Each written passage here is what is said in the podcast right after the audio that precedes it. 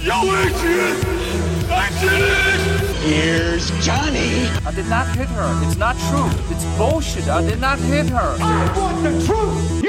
You can't handle the truth! Hej och välkomna ska ni vara till Cineastpodden. Podden där vi pratar om film. Filmer vi älskar, filmer vi hatar, filmer vi älskar att hata och filmer vi hatar att vi älskar. Jag heter Andreas Barås och eh, min gäst idag heter Kristin Vincent. Välkommen! Tack så mycket. Hej, och du har ju varit med förr. Eh, då vi pratade om Gudfadern och The Thing. Eh, du är dessutom filmvetare. Jag vet inte om vi redde ut det tillräckligt. Eh, där. Eh, är det i yrket eller? Nej, jag har läst filmvetenskap på Stockholms universitet. Okej.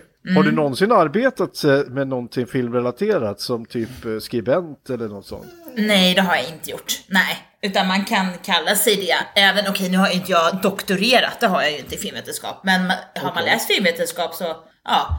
Men jag har inte, det, utan sen har jag läst praktisk film, alltså gjort kortfilmer på en folkhögskola. Jaha, Ja. okej. Eh, men det var ju väldigt, alltså, gud vi satt ju på Carmen som är ett speciellt ställe i Stockholm. Nej men det är inget fel med Car- eh, Carmen, det är en, en, en En kubansk krog va? Nja. Eller? Jag tänkte typ Gröna jägaren möter Kvarnen, om du, Ja, om du känner jag har till. Jag har, jag har en viss, eh, eh, viss idé om vad det kan vara. Ja. Och för våra icke-Stockholmslyssnare nu så får vi väl beskriva det som Gröna Jägarna är väl lite mer, eh, en gång i tiden en söder, söderskt eh, kvarterskrog med karaoke. Mer eller mindre. Precis, jag tror en stor stark, 19 spänn. Kan det, vara, det kan ha varit så. Eh, nej, nej, nej, nej, nej, nu kanske 22, men alltså, så, nej. nej, men, alltså, nej, men vi hängde mycket på Carmen, mysigt ställe. Alltså det är så här ställe, ganska billig, man får billig öl och skön stämning, mycket olika sorters människor som är där, alla är välkomna. Eh, eh, och det var där vi hängde ju där när vi pluggade då, och eh, det var mycket alltså raggarkontakter eh, till, Ja. till, till fi- filmprojekt och det, det var inte min grej alltså. Nej. nej. Så man måste vara ute i skiten och, och verkligen liksom, det är tjänster och gentjänster överallt liksom. Ja, och sen, eh, alltså, nej, men man ser ju vad pengarna går till. 16 nya Beck-filmer, ja men då kan vi inte Ja. göra det här två kvalitetsfilmer. Liksom. Nej. Nej, men jag, cashen ska ju in. Jag var ju ändå så här. Jag tänkte ju så här äh, om det hade fungerat som i... Men det gör ju inte det i Sverige riktigt. Det är inte så att, äh, att äh, filmbolagen kan göra en hit, dra in jättemycket pengar som i sin tur kan finansiera massa småfilmer. Det funkar ju inte så i Sverige, utan i Sverige så är allting beroende av filmstöd. Det är inte så det fungerar i de stora filmbolagen som i USA liksom. Vi har inte den marknaden i Sverige. nej. Mm. Eh, och det är lite tråkigt. Men eh, från någonting Ja. tråkigt till något eh, mörkt och, och fruktansvärt ner i, i depression och djupet. Vi ska prata om Jacob's Ladder från 1990. Regisserad av Adrian Lynn som jag kollade upp. eh, Och han, killen, han var en stor regis, regissör på 80-talet. Mm, han, det är en av mina Guilty Pleasures eh, favoritregissörer. Ja, han har, ju- han har gjort fil filmer som eh, Fatal Attraction, Mm. eh, Nio och en halv vecka, som eh, hade ett stort kulturellt genomslag på Mm. eh, 90 80-talet, när Mi- Mickey Rourke fortfarande var snygg. Mm, Eh, innan han sedan gjorde sin comeback som en eh, creddig skådespelare. Mm, Jag vet inte hur creddig han var på 80-talet, han var snygg i alla fall. Ja, ja. Eh, Jo men han, han ansågs vara väldigt bra. Han var ju med i Rumblefish, eh, det är väl Coppola va? Ja. Eh, och eh, den här The Diner, när han ansågs vara eh, Sean Penn alltså Ja. nivå.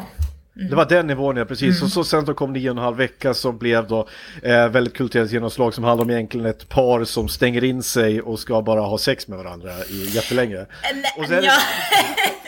Okej. Och sen, och sen är det väl, och sen är det där den här berömda matscenen Ja. kommer ifrån som Kyl- parodi, som de gjorde expertparodi på i Top Gun. Hot, hot shots. Hot Shots, förlåt. Top Gun. Ja. Det är lugnt. Ja, men sen såg jag att den hade gjort Flashdance också. Ja, Och den- Flashdance, ett oanständigt förslag. Vad är en decent proposal. Eh, Ja, just det. Ny version av Lolita. Du ser, jag har sett, liksom, jag gillade honom jättemycket ett tag. Alltså. Gammal reklamfilmsregissör. Ja, just det. Mm, så det, Eh, mm. ja, precis. Så jag, eh, jag blev lite förvånad att jag inte hade liksom reagerat över den här eh, regissören speciellt mycket. Men det finns en anledning till det. Det är för att han mer eller mindre försvann sen under 90 och 2000-talet. Utan eh, det, det liksom slutade här. Så här kan man väl säga eh, mycket av hans op magnum opus är väl då Jacobs Ladder. Ja, absolut. Eh, med den jättemärkliga eh, svenska titeln ja Jacobs Inferno. Ja. Det, det är så här, helt... Eh, jag förstår inte ibland liksom tänka så nej, svenskarna kommer inte att förstå den här titeln. Så att eh, vi, vi byter ut det till ett helt annat. Eller Jakob Stege var ju ett annat program. Ja, jag, tänk, jag tänkte att det, så här bara, då, det kommer folk att tro att det handlar om Jakob Dalin. Det, det får vi inte. Det får vi inte tro. Liksom, nej, eh, svenska filmcensuren och svenska biografbyrån var ju nitiska där i 80 och 90-talet. Fantastiskt, men vi i alla fall. ehm, vi, vi ser inte jättemånga kända skådespelare. Jag såg att eh, eh, Jason Alexander dök upp i en roll, eh, alltså George i Seinfeld. Eh, Ving Rhames, eh, mer känd från Pulp Fiction, dök upp i en liten roll. Eh, och lite andra små kända, men framförallt i huvudrollen så ser vi Tim Robbins som, eh, ja, är väl en gigant egentligen på skådespelarhimlen. Mest känd kanske från The Shawshank Redemption, Nyckeln till frihet. Som än idag, tror jag, ligger på plats nummer ett på IMDBs bästa filmer av all time-lista. Eh, kanske helt välförtjänt, kanske inte. Det beror på vad man känner för. Jag har sett den typ tre gånger i mitt liv och det brukar dröja kanske tio år mellan varje gång för att den är lång och den är jobbig eh, att se. Men jag tänker att vi, vi, vi gör som vi, vi brukar. Vi går igenom plotten, stannar där vi behöver och, eh, eh, och ser var vi hamnar. Okej, den 6 oktober 1971 är en amerikansk infanteriman, Jacob Singer, med i den första luftkavalleridivisionen utplacerad i en by i Vietnams Mekong-delta. Det är alltså under Vietnamkriget detta.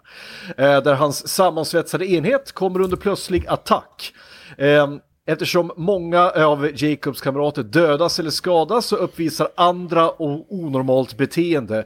Eh, vissa får bli katatoniska, vissa får spasmer eh, och anfall. Jacob flyr in i djungeln bara för att huggas ner med en bajonett av en osynlig angripare. Och det här, här alltså filmen slår ju en i ansiktet direkt eh, med hur jävla brutal den är. Eh, de här scenerna, jag fattar inte riktigt vad som hände i början här, men de, de för, första scenerna ehm, eh, de blir anfallna av, man får ju aldrig liksom se fienden, vilka som anfaller dem. Eh, och vissa av soldaterna eh, börjar liksom ramla ihop och få typ epilepsianfall, vissa börjar snurra omkring. Och en scen där en kille typ, jag tror han spränger av sig benet och sen ho- hoppar han omkring med så sitt skinnflodda ben som svänger omkring som är så här benpipor. Svinvidrigt alltså.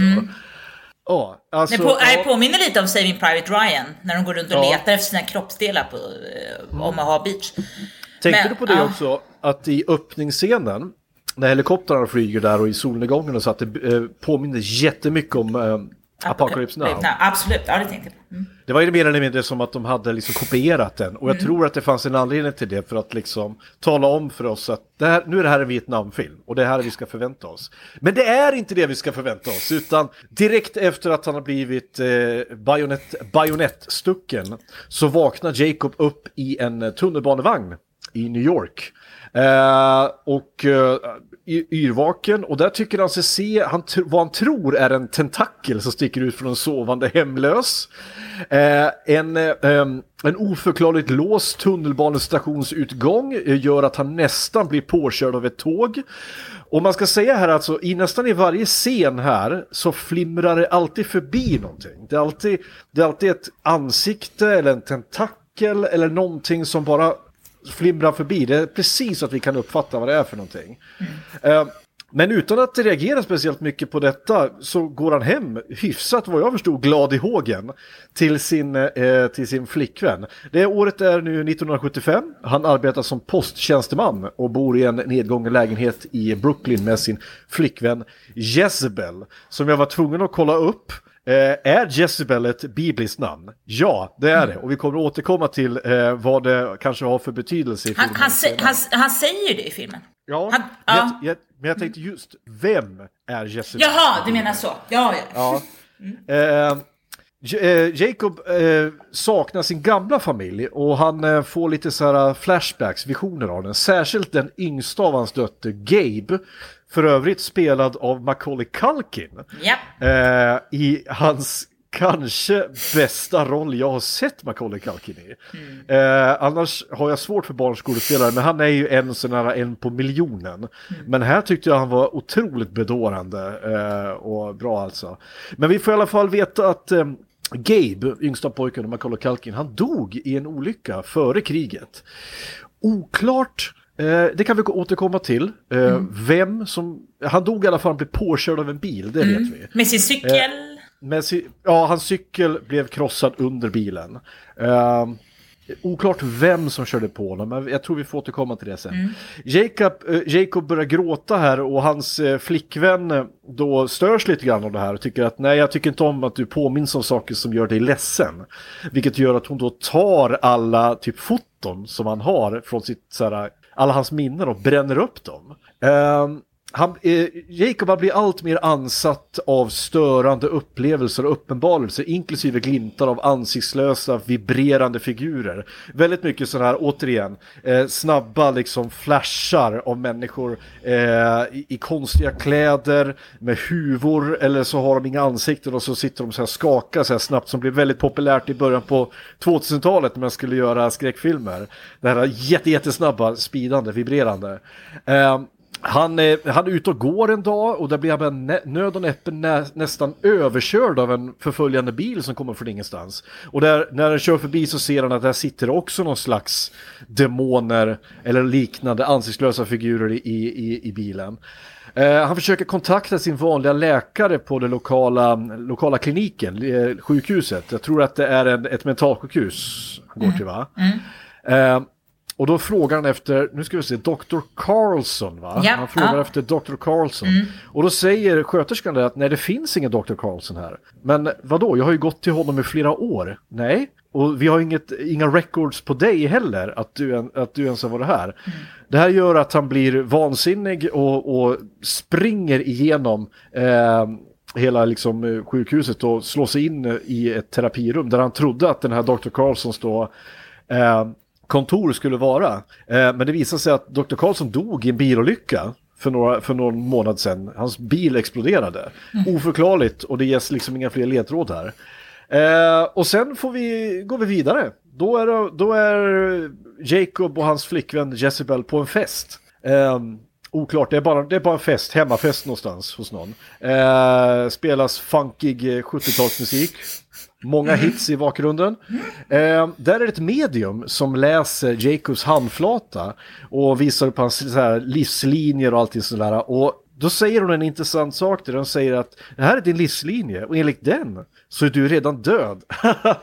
Men det, det kan det inte vara för du står ju här framför mig. Eh, så Jacob han avfärdar det som ett skämt. Eh, men sen så eh, ger sig eh, eh, Jacob ut på dansgolvet tillsammans med sin flickvän. Och eh, då börjar han återigen få, få massa flashar av, av, eh, av olika monster. Och bland annat så ser han sin flickvän dansa med någon, någon varelse som har en gigantisk svans som mer eller mindre har sex med henne ute på dansgolvet där. Eh, och, och sen så kollapsar han. Han ramlar ihop på golvet. Mer eller mindre, jag tror eh, som att, ungefär som att han får ett anfall. Eh, och bara skriker. Sen är det klipp tillbaka till eh, deras lägenhet där Jacob då ligger i sängen och har en termometer i, hals, i, i, i munnen och Jezebel är jättearg för att du har skämt ut mig, vad fan är det här liksom? Men då kollar hon tempen och visar att han har brännande feber. Eh, och eh, då försöker då Jezebel eh, med hjälp av några grannar att eh, hjälpa honom. De lägger ner honom i, badkaret och i ett isbad som gör fruktansvärt ont på honom. De häller alltså ner is över honom. Och då vaknar Jacob kort upp i en annan, vad jag förstår, en helt annan verklighet. Där han bor med sin fru och sina söner, sa, inklusive ändå fortfarande levande Gabe, den yngsta sonen som dog. Eh, och då får man se lite, lite perspektivscener ur första person, där, som är då uppenbara tillbakablickar till hans tid i Vietnam. Och då visar Jacob, han är svårt skadad, som då, men, men han upptäcks av sina liksom, andra soldater och blir evakuerad i en helikopter. Eh, men en dag så blir, eh, då, då vaknar Jacob upp igen och då är han tillbaka hos sin Jezebel igen. Då visar sig att den här, den här eh, scenen då med hans fru och barn, det var en dröm då, an, får jag anta. Där. Eh, eh, en av, en av Jacobs tidigare plutonkamrater, Paul, kontaktar honom för att avslöja att han lider av liknande erfarenheter som, som Jacob gör. Han ser också demoner, han känner sig också förföljd och tror att ingen ska tro honom. Eh, men så fort de skiljs åt efter det så sprängs Pauls bil. Oförklarligt. Eh, eh, och precis på samma sätt som han de tidigare beskrev att hans, eh, hans eh, läkare dog. Som jag förstår att den här läkaren var en av hans plutonkamrater de- det också. Eh, tror det- jag va? Det var, aha, ja det kan det ha varit. Men jag vet att det var flera ur plutonen som gick tillsammans. De gick, de kände ju till honom. Ja, precis. Ja, jag tror att den här doktor, ja. doktor Karlsson var en kompis till honom, att han också var från plutonen. Ja, ja. Mm. Eh, jag tror det. Och eh, då, då träffas de andra överlevande plutonsoldaterna på eh, Pauls begravning då. Och så diskuterar de och de eh, kommer fram till att alla dessa har upplevt samma sak. Mm. De har upplevt eh, eh, de här demoniska synerna. Eh, en säger till och med att jag, jag tror att jag är på väg att hamna i helvetet liksom. Och de pratar hela tiden om vad hände egentligen den där kvällen? Vad var det som hände där? Och jag antar att det de, eh, och det- man förstår då är att det de syftar på är ju öppningsscenen. Alltså den här scenen när, när eh, folk eh, fick eh, anfall och de krigade och när då Jacob blev eh, skadad. Eh, de, tror, eh, de börjar misstänka att de har utsatts för ett militärt experiment så att de, eh, de an, anlitar en advokat då, som spelas av Jason Alexander. Eh, advokaten han eh, avslutar dock fallet efter att han har läst eh, deras eh, military records och det visar sig att de aldrig har varit i Vietnam överhuvudtaget. Och då börjar man ju ana någon slags mörkläggning här. Även hans eh, kompisar eh, helt plötsligt från ingenstans de väljer att eh, nej vi vill inte gå vidare med det här, vi vill inte prata om det, vi drar oss tillbaka. Ehm, Eh, och eh, eh, Jacob misstänker att de har hotats att göra det. Men eh, så fort Jacob kliver ut eh, ifrån efter att han har pratat med advokaten så blir han insläpad i en bil av två stycken eh, män. Eh, som försöker skrämma honom och säger att du ska inte prata mer om din tid i det militära eh, utan eh, nu håller du käften för annars eh, så, eh, ja, de hotar honom till livet helt enkelt. Men eh, Jacob, han eh, kämpar emot dem och eh, han lyckas eh, eh, kasta sig ur deras bil i rörelse. Det gör att han, han landar på rygg och blir förlamad. Och dessutom rånad av en jultomte.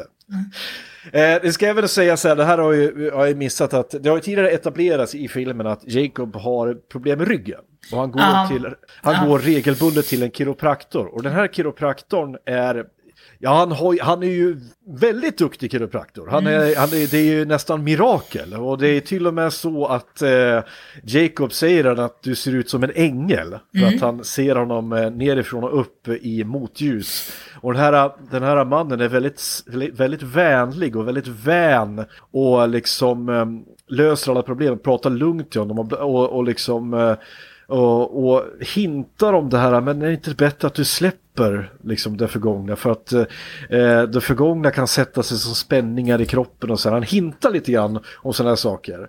Eh, det som händer nu i alla fall efter att han har blivit förlamad eh, är att eh, han, han förs till ett eh, sjukhus eh, och här rullas han in på en bår. Eh, och när han rullas igenom det här sjukhuset så, så är det, ser ut som en, det ser ut som att han är i helvetet själv. Det ligger kroppsdelar överallt.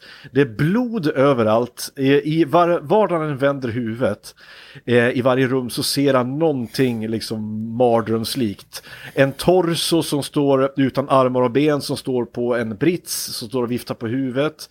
Det, det är liksom det, det, det är kroppsdelar och skrikande eh, varelser överallt. Eh, han blir också eh, fastspänd i något operationsrum där. Eh, där han säger att nej, jag vill härifrån, jag vill härifrån, jag vill hem.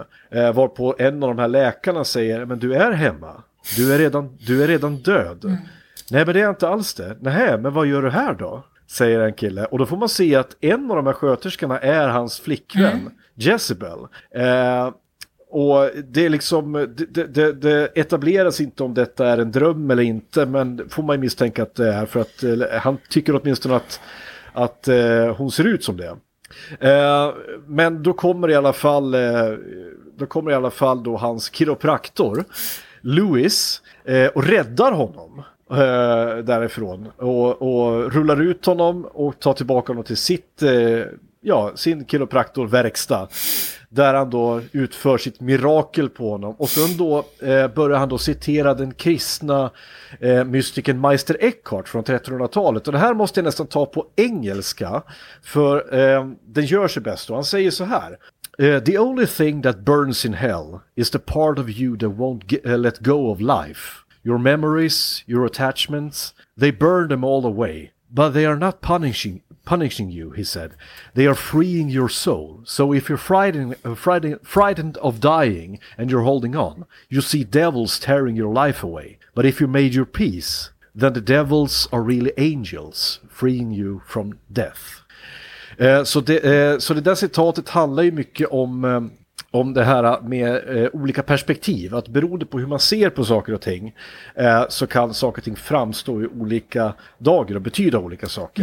Mm. Eh, men det här är också en av de här hintarna till eh, vad jag tror är förklaringen på filmen. Vi kommer dit också så småningom. Eh, I alla fall så, eh, som av ett mirakel så kan nu Jacob gå igen. Inga problem, han är alltså helt frisk, helt återställd. Han hade brutit eh, ryggen va? De sa? Ja, alltså, han, ryggen var helt bruten, mm. men det fixade den här, den här kiropraktorn med lite, mm. lite knådande och lite vänliga ord. Knäck. Eh, de, lite knäck, knäck, de knäcker. Ja. Precis. Eh, mm. Dagarna går och Jacob blir då kontaktad av en man eh, Eh, vet du, som han såg då behandla eh, hans sår i i den här helikoptern när han var i eh, Vietnam. Eh, var även han som räddade honom från den här bilen som sprängdes tidigare i, i filmen. Ja, ah, just det. Mm. Mm. Han presenterar sig som Michael Newman och han berättar en historia om att han har varit, eh, han var kemist under arméns kemiska krigförande division. Eh, och där han designade ett läkemedel som kallades då Stegen eller The Ladder. En väldigt, väldigt kraftfull LSD-variant. Ehm, vilket då kraftigt ökade aggressionen. Michael hävdar att för att testa drogens effektivitet eh, så gavs det då en dos i hemlighet till Jacobs enhet eh, före striden.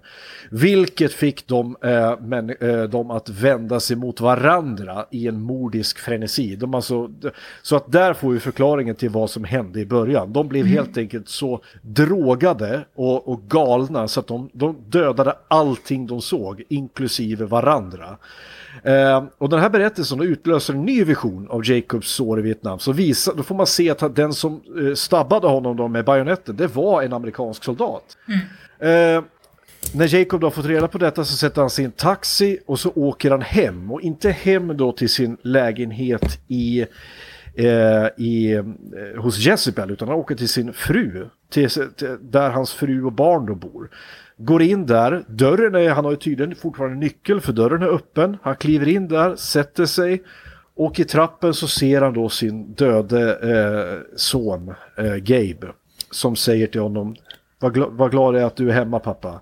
Eh, det är bra nu, det är bra nu, kom så går vi upp. Och så går de upp för trappan. Och eh, eh, trappan i, i ett ljus. Och sen så klipps det direkt till en, en scen där eh, Jacob ligger på en bår i Vietnam i ett armésjukhus och där läkarna dödförklarar honom. Och eh, mm eh, går ut och sen så lämnas vi med en, eh, en hel bild på Jacobs eh, döda kropp som ligger och ler. på bår och ler. Mm. Ja, och det var det helt enkelt. Eh, ja, jag hade ju inte sett den här filmen innan. Utan eh, ska också sägas att anledningen till att vi pratar om den här filmen nu är att det här är en eh, önskning av en av våra patrons. Eh, så eh, vill, bli patron så kan du få önska vilka filmer du vill att eh, vi ska ta upp i den här podcasten och prata om. Det här var den första. Jag hade inte sett den här filmen, jag hade hört talas om filmen tidigare. Mm. Och jag var inställd ska jag säga på en, för den är ju på en skräckfilm. För att det var det den var marknadsförd som. Men eh, det var något mycket djupare än så, eh, upptäckte jag. Ska vi prata lite om hur vi tolkar filmen? Eh, jag kan säga så här, jag tolkar ju filmen som, alltså det står ju inte bakom något tvivel att allting som händer efter öppningsscenen mer eller mindre är en dröm. Eh, och att eh, han har varit död hela tiden. Så det vi får se är ju då eh, Jacobs inre tankar i, i, i, de, i vad jag uppfattar som timme, minuter efter, innan han dör, mer eller mindre. Hur ser, du, hur ser du på det? Ja, jo så tänker jag också. Men, men då, varför är den här Jess, varför bor han ihop med henne?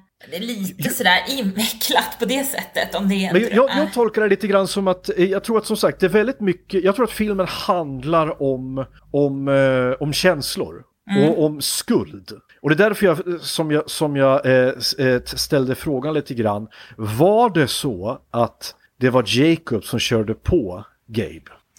Ja, det att- kan det, ja, det kan det ha varit. Men, men, Var det så? ja. Och att han inte har erkänt det för sig själv riktigt? Nej, eller så är det bara skulden att han inte var där. Du vet den här scenen när, när Ja. Gabe rullar ner med cykeln, eller han cyklar. Och så Ja. hin, han hinner ju liksom inte ikapp. Han är, de är ganska långt ifrån och Ja. eh, föräldrar ska ju skydda sina barn. Precis. Så jag, jag tänker, okej nu är det lite så här fördoms... Eh, om amerikanska filmer lite. För det är inte jätteuppenbart. Eh, då borde de inte fått någon liten hint att han körde på. Alltså li, en, någon slags liten... Ja, men jag tänkte på det. Om du tänkte på vilken bil han körde. Han körde ju en, han körde ju en, en post, kommer du ihåg den här bilen när, han, när han, i en scen så sitter han och kör Ja, ja, post, ja. postbil. Ja. De, ja, Eh, och, och, och man får se hur den ser ut. Och vi, vet att den är, vi vet att den är svart. Vi vet att han sitter i den, han sitter och sjunger i, i den. Eh, och i, i en av de här scenerna så kopplas den ihop med, man får se nederdelen på bilen som kör över cykeln. Och det är vad jag, vad jag uppfattar som samma bil. ja, men, det, ja, men då, och mm. Så jag, jag kan tolka lite grann som, återigen, den här, den här Jezebel, eh, Jezebel i, i Gamla Testamentet, så är hon med nämligen. Eh, och hon var då, eh, ska vi se om jag förstår rätt, hon var en israelisk drottning som övergav den, den abrahe, abrahamitiska guden för att tillbe guden Baal istället, den här då guldkalven. Eh, och de säger ju det också i, i en scen att varför är jag ihop med dig? Jo, för att du sålde din själ för vad då? Ett bra ligg. Jag tror att hon ska symbolisera lust. Jag tror att hon ska symbolisera eh, saker och ting som han, som han eh, distraktioner som man gör för att inte våga vilja ta tag i sitt ansvar. Eh, för att mycket av den här filmen handlar ju om det här att, att det säger den här kiropraktorn också, när du släpper taget om, om det som håller dig kvar i livet. ja, skuld. Han har ju, ja, skuld. Ja, Ja. Så, så, så ser du inte demonerna längre. Nej. Demonerna är ju där för att hålla kvar dig i vad jag, an, vad jag nu misstänker att den här drömmen är, skärselden. Mm, ja. Alltså, eh, som sagt, han säger det att delarna av dig som brinner, det är ju det som du vägrar släppa taget om. Det är därför du påminns om, om dina vänner och allting. Vi kanske, eh, Jacob själv kanske dödade flera av sina kamrater där borta i Vietnam, som han inte har tagit tag i. Så många av de här eh, tänker jag, oj, vad hör vi i bakgrunden? Oj, hörs det så högt? Eh, ja, eh, brandkåren ligger relativt nära. Ja, åh gud vad, vad, vad, vad, passande. Ja. Med, med den här... eh, eh, ja, så, Men jag, jag, jag misstänker det att, att många, eh, det är också en tolkning jag kan göra, det är inte bekräftat på något sätt, utan det är bara en gissning, nu gör jag från min sida, att alla de här demonerna han ser, eh, de som är utan armar, utan huvud, utan ansikten, det är Mm. de ansiktslösa människorna som han dödade i Vietnam, som man inte kommer ihåg, Mm. därför att han var under ett mordiskt rus, Mm. men som det undermedvetna i honom har Mm. fortfarande håll, hållit kvar i skuld. Det, så att jag tror att, jag tror att hela den här filmen och alla de här liksom flashbackarna och allting som görs är hans resa till acceptans. Eh, redemption är det väl? Eller kan man säga så? ja, Acceptans, inte, redemption. ja, Nej. ja, inte, bara, inte bara redemption, Nej. alltså eh, bo, eh, botgöring, utan också acceptans och faktiskt fattat erkänna att jag gjorde detta Mm. eh, och jag är att inse att jag kommer aldrig få tillbaka det här. Jag kommer aldrig att få tillbaka det jag hade, Mm. eh, det livet, utan det är samma sak som att Jezebel ens finns i den här filmen. Det är ju, det, det är ju, tror jag, är ju önsketänkande från hans sida. Alltså han skapar ju henne för att, eh, för att hitta en alternativ verklighet att fly till. För att varje gång som man är i drömmen i drömmen, det vill säga tillbaka hos sin, sin eh, familj med, med barnet, eh, som fortfarande lever där, så påminns han ju hela tiden om, ah, nej, nej, nej, vänta, det här kan ju inte stämma, det är någonting som händer, åh, vi måste tillbaka. Tillbaka till distraktionerna, för varje gång som han är nära där så påminns han ju om att, vänta, någonting stämmer inte här. Det är därför som, som, eh, eh, som den här då Jezebel som får då symbolisera, tycker jag, en, en, en demon, lite misogynt kanske, att en kvinna som ska vara en, dem, en lustdemon som, som bara håller kvar honom där.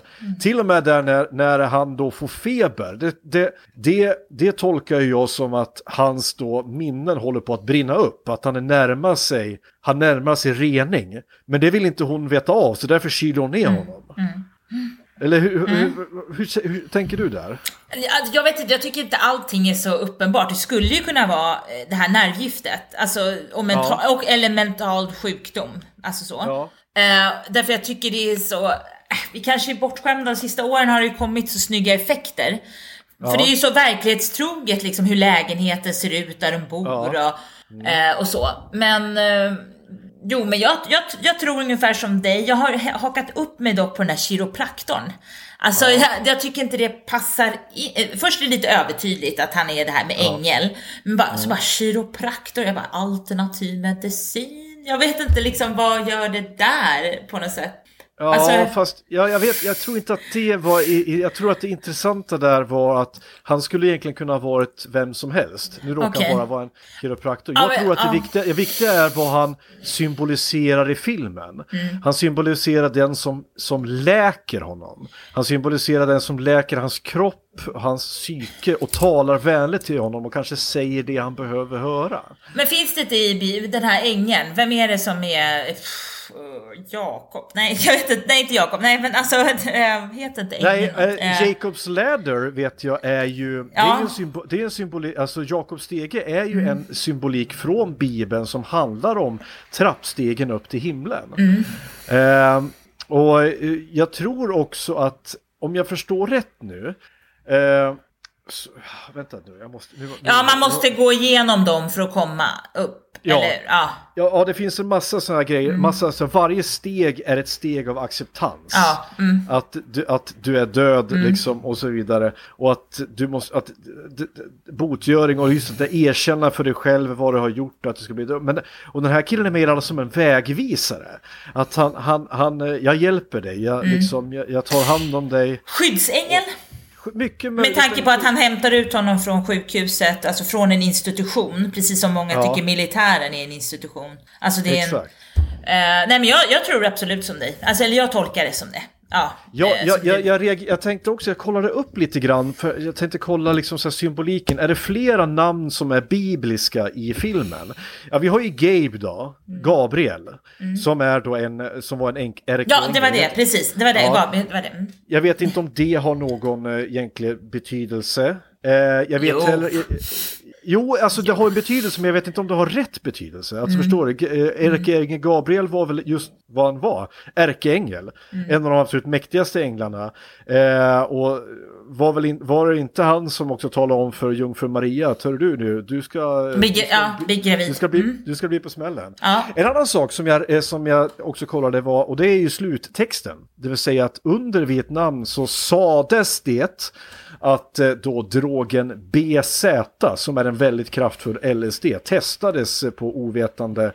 Ja, det tror jag på. Jag är inte en konspirationsteoretiker eh, och jag är inte antivax, men jag kan tro på sånt där. Så det, Hundra, det är jag, jag kan säga så här, om det är några som jag kan gå med på konspirationsteorier emot så är det militären.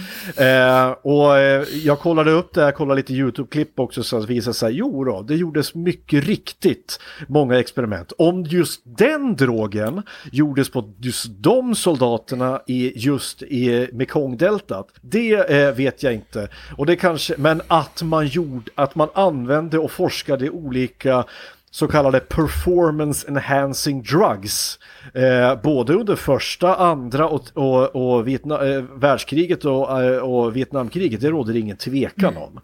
Men vad jag tycker inte riktigt går ihop i manuset, det här får du se om, om, det, om du kan... eh, Om, vi nu, eh, om vi nu går med på att, de, att allting efter att han dör i, i, alltså eh, allting efter att han då blir bajonettad. Ja, precis. I början. Ja. Mm. Ja, fram till slutscenen är en dröm. Hur kan han då få reda på av den här Martin Mm. Newman att han har blivit utsatt för ett experiment? Mm. För att om vi, om vi utgår ifrån att det är sant, alltså att allt det där med experimentet är sant och att det är det allting handlade om. Mm. Hur kan han då få reda på det? Dök den här Martin upp före Vietnamkriget och berättade det för honom? Eller hur kan han komma fram till den här uh, sanningen i en dröm? Nej, där tror jag bara är... Eh, nej, han har inte kommit. Det är ju drömmen. Så, alltså det, eh, hade han, så här, jag tänkte så här, hade han lev, levat, alltså klarat Ja. attacken, Ja, så kanske han hade fått reda på det här. Ja. Och det kanske det, jag tror att det, för filmen så tror jag det är viktigare att få fram det till publiken. Ja. Alltså att det är, för det är mycket kritik mot, mot, inte bara Vietnam utan försvar, militären överhuvudtaget. visst. med tanke på de som stalkar honom och det sprängs bilar och, ja. eh, och så.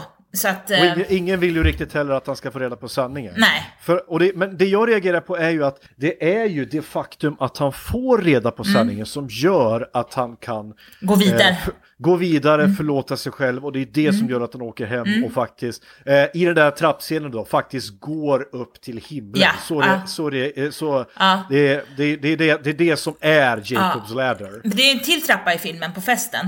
Spå, Ja, spådamen sitter, jag säger spådam, men hon, Ja. spåkvinnan sitter i, och läser hans hand i trappan. Medan en annan tjej, jag vet inte om hon, hon går väl ner va? Och Ja. kommenterar det som händer. Det är lite Ja, intressant. precis. Och sen, ja, och så börjar de flörta. Det liksom, varför, varför, varför börjar de flörta? Det var också så här lite, ja. Jo, men jag tror att, jag tror att återigen, återigen, alla andra som dyker upp där, alla, mer eller mindre, eh, är demoner som vill hålla kvar honom i skärselden, som vill, som lever på hans eh, smärta så att säga. För som sagt, varenda gång han är nära att komma på sanningen så är det ju någonting som är i vägen. Det är antingen är det de här thugsen som släpar in honom i bilen, eller så är det de här, som bokstavligen sitter i vägen för honom i, i trappen. Eller så är det hans flickvän som bränner bilderna på hans familj för att han inte ska tänka på det. Eller så är det eh, hans gamla kamrater som helt plötsligt drar sig ur. Och alla de där anser jag symboliserar alla hans blockeringar för, och distraktioner för att faktiskt erkänna sig själv vad som har hänt. De enda som når igenom till honom är ju den här kiropraktorn och den här då eh, kemisten som dyker upp eh, i hans huvud. Men varför, jag blev också så här, det var ju ganska spännande. Jag antecknar Ja. knappt någonting, för det, ville, det var så spännande hela, ganska hela Ja. ja. Tänkte du på att den här kemisten drog in honom längre och längre in i det här mörka, vi säger att det är en övergiven fabriksbyggnad. Det blev bara mörkt, jag bara väntade, snart kommer det hända något. Snart kommer militären in och tar honom, eller liksom. Ja. Och så, samma med portvakten på slutet. Ja, ja. Han gör ju så här miner och håller på, såg du det? Att han liksom Ja, ja, himlar med ögonen, vad är det här som händer? Välkommen Jag, ja. jag, jag förstod redan när jag satte på den här filmen att eh, det här är en film jag ska hålla utkik efter detaljer i bakgrunden. Bland annat så står det ju Hell eh, på, i tunnelbanan Ja. eh, och sådana där saker. Och la du märke till en till sak? I den där gränden med Martin Newman eh, så står han, Martin Newman står i ljuset. Ja, jag tänkte precis på det. Ja, Men det gör inte Jacob. Nope. Jacob står fortfarande i skuggan. Och dessutom bakom Martin, på väggen, så är det en trappa målad i vitt Ja. bakom honom. ja, visst. Så att det, symboliken är där hela tiden att följ ljuset. Och allting som är bra har alltid ett ljus bakom sig. Så till exempel den här då, eh, vad heter han, läkaren, som, eh, inte, eller kiropraktorn. som Danny. Aiello. Aiello. Ja, precis. Eh, som står där med, med, med, en, med, en, stor, en stor ljus och, och, och ler väldigt vänt och ömt åt honom och säger liksom bara, det hela tiden hintar om bara, slappna av, acceptera det, acceptera det. Och sen när han faktiskt gör det så sitter han där i, i den här lägenheten som är helt tom, i mörker, men där Gabe då sitter i trappen så är det lite ljus. Och det är ju det, hela tiden, gå mot ljuset, gå mot ljuset, det är som någon ropar på honom. Det här, och det här, det här kan, nu, har jag, nu kommer jag just på det. Kan det vara så att, eh, att allting, att de här sanningarna som man hör är egentligen, det man brukar säga att när en komapatient ligger i koma, så, så det som folk runt omkring dem pratar om upp, upp eh, upplevs som, som drömmar. Kan det vara så att någon av de här läkarna som försökte rädda hans liv där i Vietnam pratade om det här med, med kemiska stridsmedel och allt det där och att det på något sätt trängde igenom eh, hans blockeringar och han, han tog det precis innan han, han dog. Det kan ju vara en förklaring till varför, Ja, det, det kan det vara. varför han undermedvetet eh, fick, fick ledtrådarna och kunde acceptera dem. Ja, det kan det vara. Ja, Ja. varför inte? Ja. Jag har inte, med flit så har inte jag velat läsa om teorier på nätet om den här filmen. Nej, nej, nej, inte jag, inte inte, inte du inte heller, jag heller. Ja. Eh, Men jag tycker att det var mycket som var som sagt mycket som skrevs en på näsan liksom. Det Ja, var ju, och små saker också. En, en annan sak som jag skrivit upp var eh, Mar... Eh, jag gillar ju sån musik också, Marvin Gaye. Eh, På festen så först kör han jätte, ganska hård, eller hård, alltså funkmusik, jätte, alltså Ja. funk. Sen kör Marvin Gaye, What's going on? Och Ja, då vill Jezebel, hon vill dansa med honom då, hon, han säger nej. Och vad handlar den film, eller fi, alltså, den handlar ju om, om, alltså den, eller, alltså vad heter det? Låten är väldigt symbolisk i sig. Så att jag, jag Ja. tyckte, ja, var ett snyggt val av musik. vad jag förstår, förstår rätt, jag kan inte så mycket om Marvin Gaye, men visst var väl han, var inte han som blev ihjälskjuten av sin pappa va? Ja, precis. Mm, För stämmer. att han var bisexuell, var det inte så? Ja, bi eller var han gay? Ja, det vet inte om Kan, det var. kan ha varit någonting sånt, och återigen det där, uh, någonting handlar om, att, om acceptans. Ja. Eh, hela tiden. Jag tror, att, jag tror att det här är en film Mm. som mår väldigt bra av att man ser den flera gånger. Och jag tror att, jag tror att den, Adrian Lynn här, han det är nästan lite Kubrick över honom. Alltså att jag tror att man måste så här, kolla på varje scen. Allting har en symbolik någonstans liksom. Eh, sen är ju filmen så pass liksom den är så välspelad. Alltså, Tim Robbins gör ett så jävla bra jobb här. Så att man sugs in. Eftersom jag såg den nu för första gången så sugs jag in i historien. Var det precis som du? Jag var ju lika. Ja. Jag, har- jag har bara skrivit en, en sida med anteckningar. Jag Mm. brukar skriva kanske tio sidor annars. Men här är bara lite grann bara för att jag satt liksom var, Ja. jag var helt inne i historien. Eh, men vissa saker som sagt, jag kan ju inte låta bli att missa vissa eh, detaljer bara för att de är så jävla skrivna på näsan. Änglar, demoner, sk- eh, skuld, allt, allt det där tycker jag är så jäkla uppenbart. Och det grejen är att det ska vi också komma ihåg att den här är ju varför vi tycker att den är uppenbar nu är ju för att det har gått så lång tid. Efter att den här filmen kom så har ju jättemånga tagit inspiration av den här filmen. Jag kollade upp till exempel att andra som, Silent Hill till exempel, ett eh, väldigt eh, berömt eh, videospel som senare blev en film, har inspirerats supermycket av just Jacobs Ladder. Jag vet att American Horror Story, eh, en av eh, de, de säsongerna är mer eller mindre inspirerad också av Jacobs Ladder. Så att det har haft jättemycket eh, inf eh, influenser av popkulturen. Det kom också en remake av filmen som jag har valt att helt ignorera.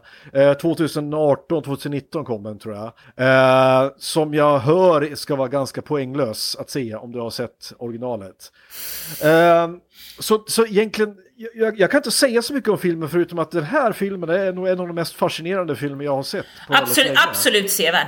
Mm. Otroligt. Mm. Och bra effekter, som du, säger, eh, som du Mm. sa själv, alltså att de effekterna som dök upp, de, och det var liksom som vi pratade om The Thing, att gamla effekter hits hard. För det ser så här geggigt och vidrigt, man får se en sjuksköterska sticka ut någon jävla, vad någon jävla horn i huvudet på henne. Och det är någon jävla tentakel som bara flashar förbi Ja. och, och det, är- det är liksom... Eh, ansikten som är, vad heter det, eh, ögonlocken är eh, slut. Ja. Det finns inget, alltså de är... Jämnsydda. Ja, mm. Ja, det kändes som att så här, det här, om det är någonting som helvetet ser ut så, så är det ju så här. Avhuggna händer och ben som ligger överallt och så här. Det var, det var en riktig jävla upplevelse. Men inte en upplevelse som jag skulle, som jag skulle säga eh, jag får i en klassisk horror story. Utan det här är mer en film som jag skulle klassa som psykologiskt drama. Eh, Ja, thriller inte thriller, ja, ja precis. Ja, thriller. Eh, det, det, det var spännande. Eh, och, och det är en film som, som, som sagt, det, det ställer krav på dig som tittare. Du måste vara fokuserad för att du, du ska, för du missar mycket godis annars om, du, om du, om du är disträ. Det här är en film som förtjänar, och jag tror att den förtjänar din fokus och sen förtjänas att se flera gånger. Eh, slutord om det, har du någonting mer vi behöver, som jag glömt? Eh, jag måste, jag, eh, min favorit var, eh, de, inte för scenerna i Vietnam i början, utan de, där i New York. Eh, Ja. I tunnelbanan. Och när han nästan blir, ja nu spoiler, men Ja, men han Ja, ramlar... Ja, vi har spoilat det. Han ramlar på, eh, eh, vad heter det, på spåret och sen åker de där förbi och jag bara oh shit, oh, läskigt. Jag tyckte jag, jag bara får fan, alltså vad jag förstår, jag, alltså i New York var ju inte, alltså speciellt tunnelbanan, jag vet min pappa Eh, var ju ganska mycket New York. Han, då, han fick ju de skulle, man skulle inte ta tunnelbanan. Men det var väl Giuliani som städade upp allting och förfly, alltså det var han som tog typ maffian och körde ut dem till Jer- New Jersey till exempel.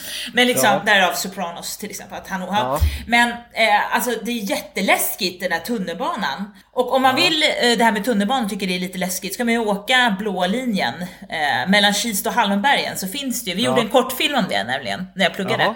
Och det är ju ehm, Kymlinge. Det, det blev ju aldrig en eh, tunnelbanestation. Men allting är klart. Det finns alltså schack, alltså där, ehm, rulltrapporna skulle... Ja, vet- och det är ganska ledset, mitt ute i ingenstans. Eh, I Okej. ett fält. Ja men det var Ja. ett sidospår. Men jag, bara, om man, Ja, men jag- jag, jag- tycker det är hör- lite läskigt med tunnelbanor och, och folk som står på tåg. Och, fast jag trodde den här mannen, den här hemlösa mannen, när han kliver av tåget. Då trodde jag att det var ett, då fattade inte jag att det var någon tentakel. Nähä. Jag trodde att det var en blottare! Jag bara, ja, ja, men det är sånt som händer i New York Ja. 1900 liksom. Ja, så år Du menar att det skulle legat en så här, vadå, 40 centimeter lång penis på, på marken liksom? Ja, det är det jag är... Ja. Det är det du är van vid? Gud. Nej, ja men alltså det där, det, det där du berättar om den där eh, eh, eh, abandoned, eh, liksom övergiven Mm. tunnelbanestation mitt ute ingenstans. Jag tror, att, jag tror att de nämnde det i den här Creepy-podden eh, och pratade om den också. Ja, det där, det där Ja. låter ju som en dröm. Ja, Ja. Är den öppen? Kan man, gå, kan man ta sig dit hur som helst eller? Eh, nej, det är stängt, men det är många såna urban, vad heter det, heter Urban Explorers? Ex- ja, precis. Som har, man, eh, de- klipper upp eller klättrar över staketen och sen, för tågen går ju där ofta. Eh, det är Jaha. A- Akalla-linjen. De stannar inte där bara? Nej, nej, nej. De, nej de, åker de åker förbi? Ja, och då är Ja, det en tunnel. Ja, det är läskigt alltså. Jag skulle vilja åka dit och bara, som, som du säger, göra film där. Mm. Det hade ju varit perfekt. Eh, men vi måste gå vidare. Mm. Eh, som sagt till alla er lyssnare och eh, tack till dig eh, Patreon eh, som önskade den här filmen. Tack för tipset. Det här var en film jag kommer definitivt se fler gånger och jag, till er som inte har sett den så kan jag varmt rekommendera den. Men som sagt, var fokuserad när ni ser den.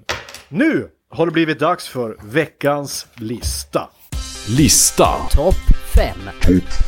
Topp 5. Veckans topp 5. Ja, och veckans lista, det är din lista Kristin. Och jag vet inte vad du har valt för ämne eller vad det kommer bli, så det blir lika spännande för mig varje gång. Så vad har du valt för lista den här gången? Ja, Jag försöker komma på någon catchy rubrik, eh, men den, den är som den är. Alltså, så, är som den är, okej. Ja, det är topp fem romantiska men ack så sorgliga filmer. Okej, okej, Så, bra. ja, ej att förväxla med romcoms. Ingen Nej, romantisk komedi. utan Ja. precis snarare själva motsatsen, romantiska tragedier. ja.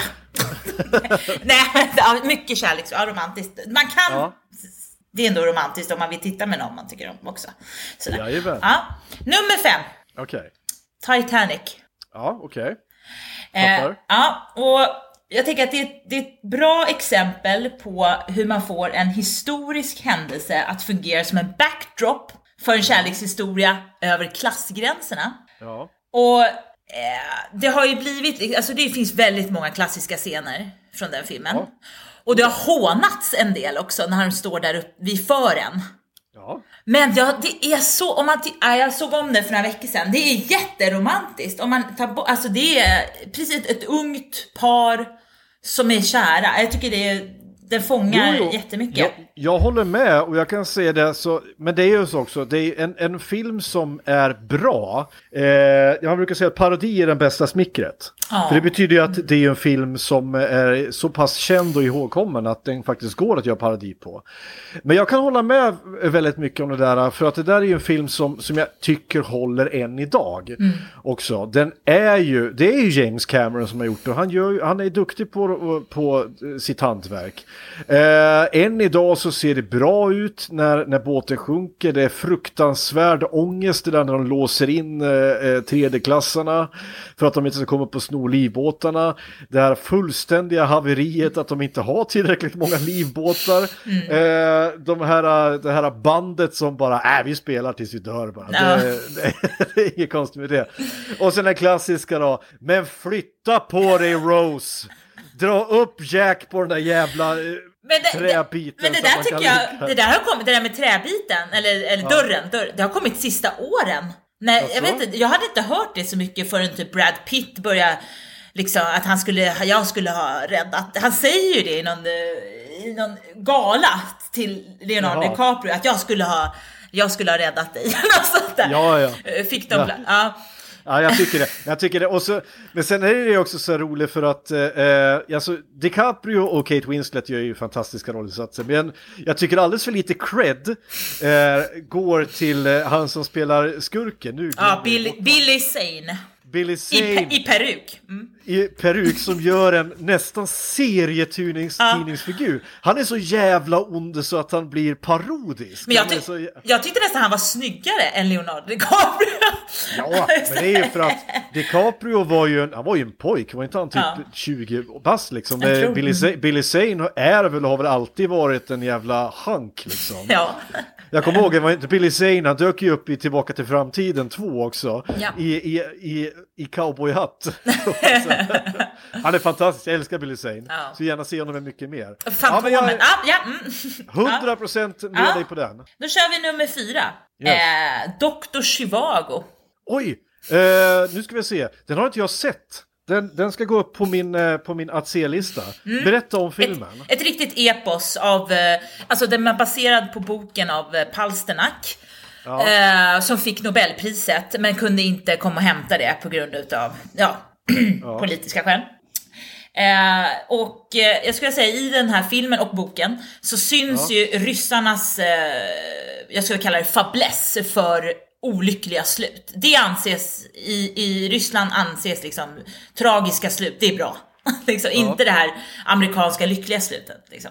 Nej, det där. Berätta, men berätta vad, vad handlar filmen om? Ja. Lite snabb, snabb, eh, Snabb, snabb, snabb. Den utspelar sig eh, under och efter ryska revolutionen. Ja. Eh, Dr. Chivago, han är ju doktor då, han är lyckligt gift, men han är också kär i Lara som spelas av Julie Christie som fick värsta, hon, blev, hon är som en sval Brigitte Bardot kan man säga. Okej. Ja, eh, och sen så, de, han är ju väldigt rik, eh, Dr. Chivago, eller kommer från en sån klass, och hon är, kommer inte från eh, en så välbärgad familj. Och sen måste de fly eh, stan och hamna ute på landet, han och hans familj då. då. Och sen av en slump så träffar han henne där igen. Och det är liksom mycket, alltså det, lyssna på soundtracket. I- Soundtracket är jättebra. Eh, mycket balalaikor. Och det kommer också in i... Eh, och sen är han, vad heter den här skådisen som är med i Star Wars? Eh, Obi-Wan Kenobi, den äldre, han som... Eh, Christopher Lee? Nej? nej. Nej, Alec Guinness. Alec Ja, Guinness. han är med också i början. Och sen, det här, och sen är Omar Sharif eh, eh, som anses vara liksom arabvärldens eh, Sean Connery som spelar Dr. Chivago. Nej men jag, kan, inte- där, jag vill inte spoila för mycket för att det, det här slutet är ju så, det är ju ett av de mest tragiska slut som, som men jag kan säga att de möts, alltså han är ju kär i båda två. Och det, när jag var tonåring och såg den så hade jag, så jag bara, man kan bara vara kär i en person. Och sen bara, men man kanske kan vara kär på olika så här, det fick man.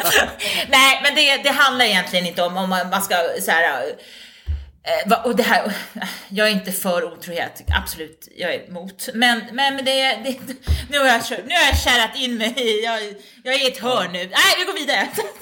Nej, okej. Men den här är filmen är alltså från 1965. Eh, och du skulle säga att den är där uppe bland Lawrence of Arabia och de andra så här klassikerna. Eh, ja, det, det tycker jag. Alltså den är inte lika eh, eh, Lawrence of Arabia, alltså storfilm. Jo, det är ju ett epos. Men det, mm, ja, Den nej. är, den är hela tre timmar och 17 minuter. Så att, eh, Precis. jag tänker att den är... Eh, eh, jag kollar upp den på IMDB nu. Den eh, verkar intressant eh, i alla fall. Mm. Ja. Mm. Eh, Boris Pasternak, just ja. Eh, sk- som skrev boken. Spännande. Den Ja. där ska jag skriva upp. Och då är det nummer tre. Och det är eh, Casablanca. Yes. Med eh, det? Humphrey Bogart. Ja, och Ingrid Bergman. Jajamensan. Mm. Utspelar sig under andra världskriget va? Ja, det stämmer. Och handlar om, eh, nu ska vi se eh, om jag minns rätt här, spioner i, i eh, Afrika va? Mm, I Casablanca, som det ligger i Egypten.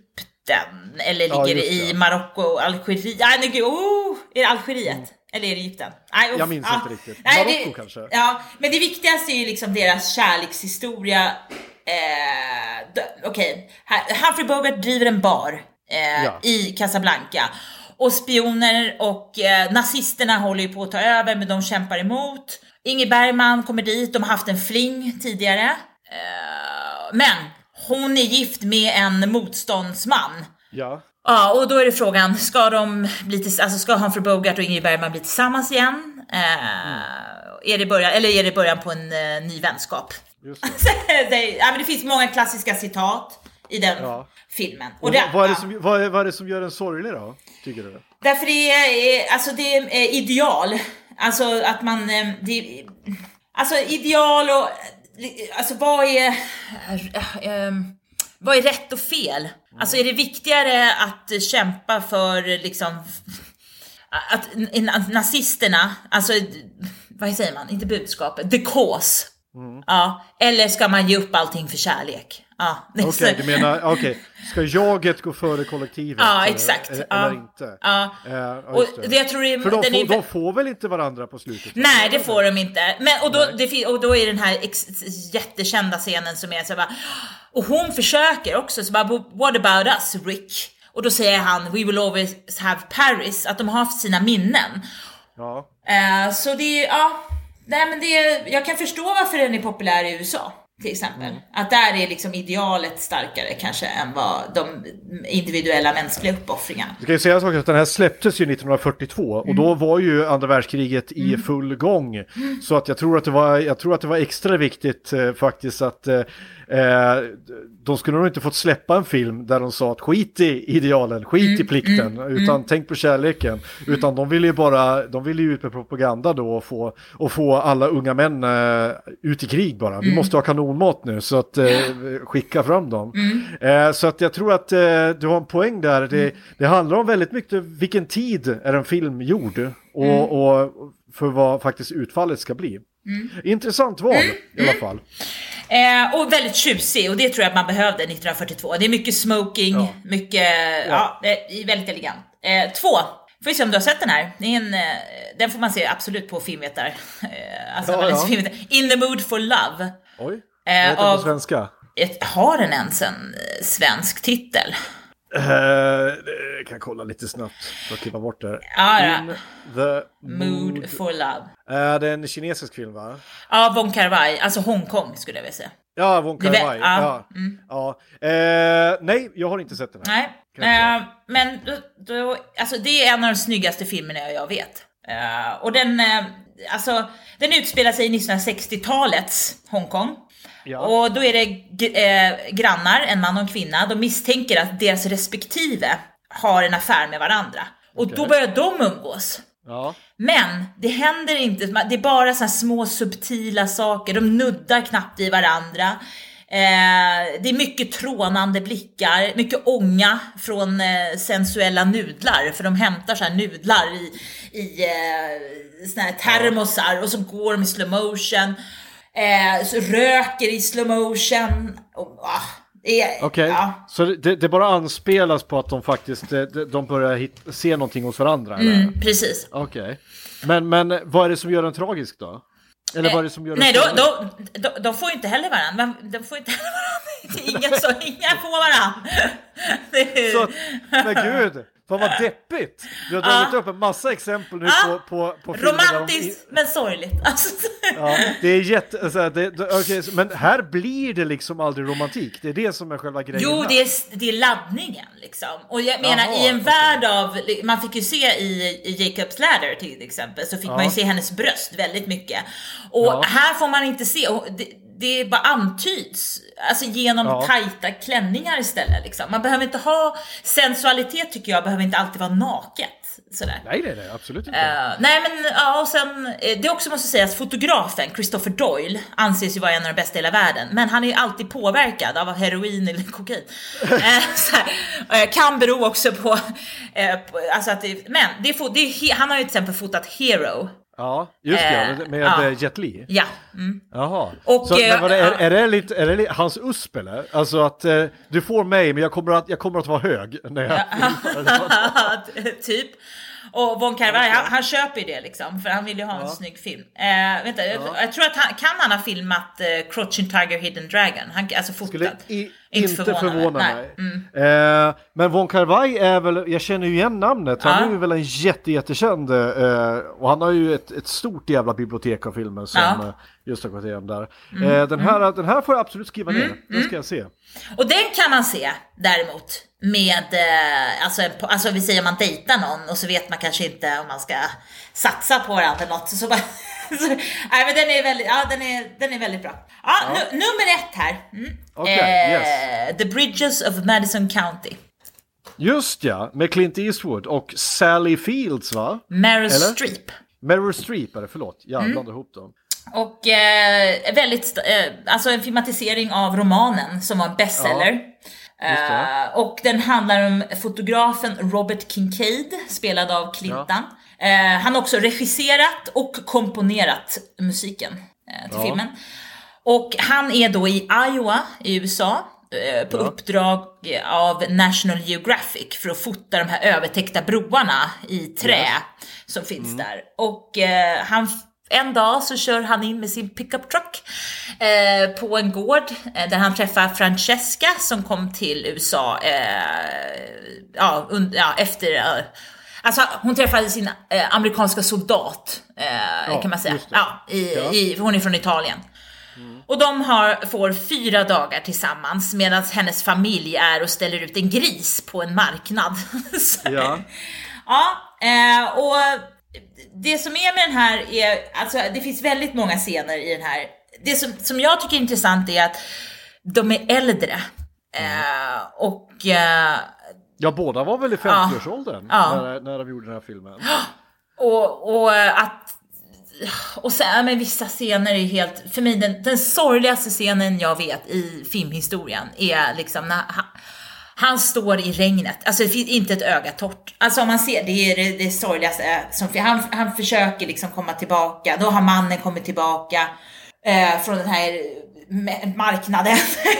och hon Ja. sitter liksom i bilen med sin man och Clintan står i regn. Alltså man vet inte, ska hon välja eh, ma- alltså Clint Eastwood eller ska hon fortsätta med sin man? För, för det finns väl ingenting, eh, är det någonting som talar för, det var länge sedan jag såg den här, men hennes man, det är väl inget speciellt fel på honom. Han är väl inte, är han, han är inte så att han slår henne eller något sånt där, så att eh, det är bara, han är väl en ganska decent guy va, dessutom. Ja då.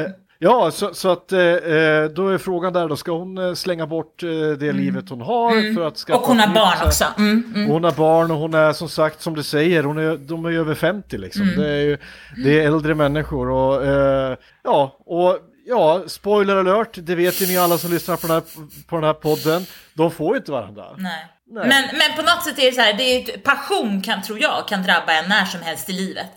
Och eh, hon ifrågasätter ju sitt val liksom. Och sen, Ja. och det finns, så här, en, det finns flera repliker som är jättelite sådär äh, över, t- too much kanske. Men Ja. eh, han, han, han, säger, eh, Clint, Clint Eastwood säger, ja jag, jag liksom, vad är han säger? I don't want to need you. Så här, ja, I don't want to need you because I can't have you.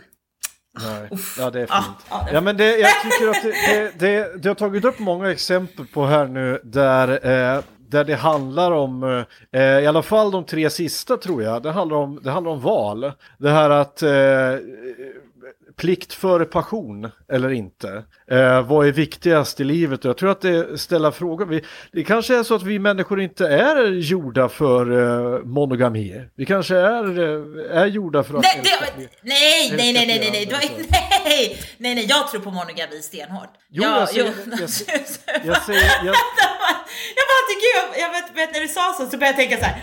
Eh, låter mitt polyamorösa val, har jag liksom. nej, jag säger inte, jag säger inte att eh, du tror det. Jag säger att det ställer frågor. Ja, det gör det. Ja, absolut. Eh. Vilka val man gör. Alltså, men det är praktiska val. Förstår du Ja. jag tänker? Eller ja, okej, fortsätt. Ja.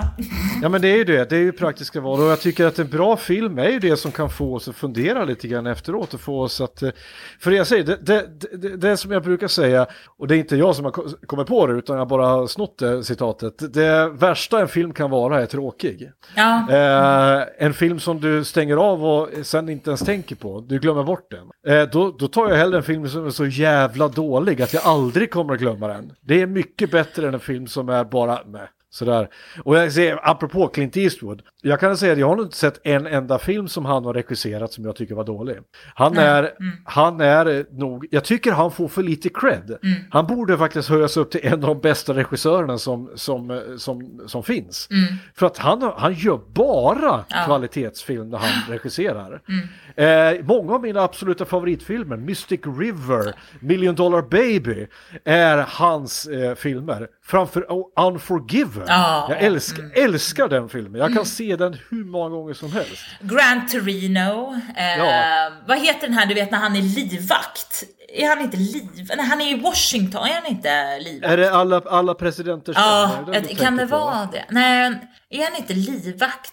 Det, och John Malkovich är någon sån här krypskytt, stalker. Ja, det kan vara det. Eller Ja. jag, jag blandar ihop den för det finns en annan film där han är inbrottstjuv där han ser Ah, preside- presidenten spelad av Gene Hackman. Det var den, ja det var den. ha ihjäl en prostituerad Åh, och jag tror, jag så tror att den film. heter, jag tror att den heter typ, jag tror att det den, om det inte är alla presidenters män så, så heter den typ eh, något annat med någonting med, Åh. med, med spelen, jag, jag minns inte riktigt, Nej, men det, mm. det är så, han Clint, kolla in Clint Eastwoods bibliotek kära Mm. lyssnare allihopa och framförallt de filmerna han regisserat och se om ni hittar någon film där som på riktigt är dålig. Bara en sån sak som jag gillar det är att han gjorde We, eh, han, gjorde, han gjorde den här filmen Letters from Iwo Jima. Eh, som han gjorde eh, eh, och Flags of Our Father. Det var två stycken eh, andra världskrigsfilmer. Där den ena var ur amerikanernas perspektiv och den andra var helt ur japanernas perspektiv. Och det är ganska ödmjukt av en amerikan att göra, tycker jag. Eh, och att verkligen vilja berätta de här människornas historia. Eh, och som sagt, eh, jag kanske inte håller med Clint Eastwood politiskt, för han är väl en Ja, väldigt, väldigt hår, hård konservativ. republikan. Konservativ republikan, men han är väldigt bra på att berätta historier. Och många skådespelare älskar ju att bli regisserade av honom. Ja. För att eh, han, han skriker inte och alltså, action! Utan han är så här, ehm, when you're ready. Alltså, men du, Ja, har, du men- har, men har du någon bubblare på, på den här listan? På, på, Romantiska filmer. som tycker sorg, sorg- sorgliga? Alltså, Ja, eh, men den här filmen vet jag inte om jag... Eh, jag kan säga så här, den faller ur kategorin. Men här, den här tar jag upp så bara för att det är en så jävla stark film. Den heter Blue Valentine. Med Ryan Gosling Gud, den har inte jag sett. Jag vet vilken det är, men jag har, så, ha, ha, har Ja, inte sett den. det handlar om han och hans då tjej, eh, fru. Eh, eh, deras äktenskap är på upphällningen. Och de bestämmer sig för att göra ett sista försök att rädda sitt äktenskap genom att ta in på det, ett skitäckligt motell eh, någonstans. Och så bara liksom toksupa och knulla en hel helg liksom. Och hela filmen så är det så jävla, vet du det, det är så... Eh, det är så liksom uppenbart att det här går inte att rädda. Det går inte att rädda för det gör så jävla ont. De, de vill så gärna men det går inte. De älskar varandra så jäkla mycket. Men på grund av det, den här filmen vill jag absolut inte spoila. Eh, varför det inte går. Men eh, utan de, har för mycket, de har för mycket bagage. Eh, men så här, det som gör filmen det är nästan att den är så fruktansvärt välspelad. Jag tror på varenda ord de säger. Och när man sitter och ser den, jag säger så här, se den inte om du är i ett förhållande med någon. För då, då, är, det, då är det kört. Oj, Då gör ni slut dagen efter. Alltså det, det kommer att gå sönder i kroppen. Eh, för att den är så jävla smärtsam. Det, det, på samma sätt som A Marriage Story med, eh, med Adam Driver och Scarlett Johansson var smärtsam för alla oss som har gått igenom en separation. Eh, eh, och där att man, man älskar en människa fast man hatar den här människan så jävla mycket. Och, och, och all, allt vad som eh, vad det, vad det liksom innebär. På samma sätt så är det här för, för en, en, en, en, för alla som går igenom en trasig relation och det här när man så gärna vill. Och varför jag säger att varför passar den här in då? Jo, för att de vill ju. De älskar ju varandra så jävla innerligt. Men de kan inte rädda äktenskapet för det finns för mycket sår. Eh, och jag vill inte spoila den här för dig Kristin. Nej, vad jag snällt. Jag har spoilat allting annat. Ja, men snällt. jag Nej, men jag har hört talas om den, men det har aldrig liksom det har aldrig blivit liksom, ja, tillfälle Nej. att se den. Men jag hade Om jag ingen ta- aning om vad den handlade om heller. Jag visste bara att det var Ryan Gosling. Det är det Ja, kolla in det. Han borde ha Ja. fått alla Oscars i världen för den filmen. Eh, om jag får bara slänga in en bubbla till om en film som absolut inte ska vara på den här listan. En film som jag hatar. Ja, kör. Eh, som är i kategori eh, romantiska filmer som Ja. slutar sorgligt. Så är det ju filmen P.S. I Love You. Som jag på riktigt inte kan förstå varför folk tycker är bra. Det handlar om en, en, en, en, en kvinna som får en massa brev från sin nu avlidne make. Som gör att hon inte kan släppa taget om honom utan han ska fortsätta stalka henne fast hon är död. Och jag så här, många har försökt förklara på mig, men det är jättefint och han vill ju bara hjälpa henne på väg. Nej, det gör han ju inte. Det enda han gör är att han ser till att hon ska fortsätta tänka på honom så länge det bara kan. Och jag bara så här, åh, och så här, det är inget fel på Gerald Butler. Han Nej, gör sin roll. Alltså, ja. de, gör, de gör helt okej roller och så här, så här. Men jag, det är konceptet i filmen som gör mig Mm. så jävla förbannad. Jag har ju svårt för Hilary Swank. Jag vet att hon är Oscarsbelönad två gånger. Men jag, jag har ju svårt för henne och hon är inte bra där. Ka- Kathy Bates är bra. Det är en helt annan division liksom, som hon spelar.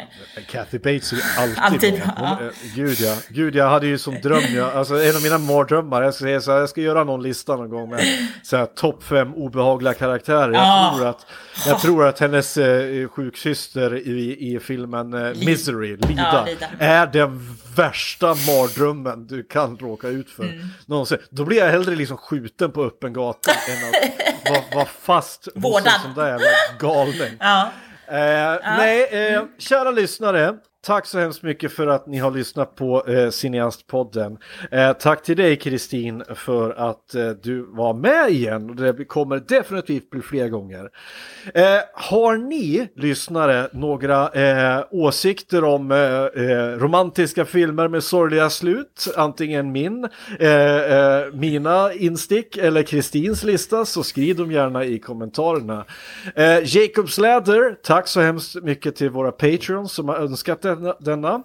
Eh, och eh, jag kommer att se den flera gånger och ett stort tips till er lyssnare.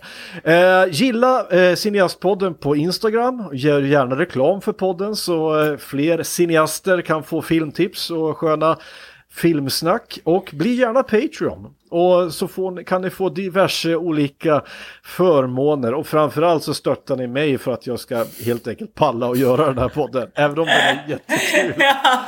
Sådär. Vi, vi säger så så hörs vi som jag brukar säga förhoppningsvis nästa vecka om jag orkar göra ett eh, avsnitt.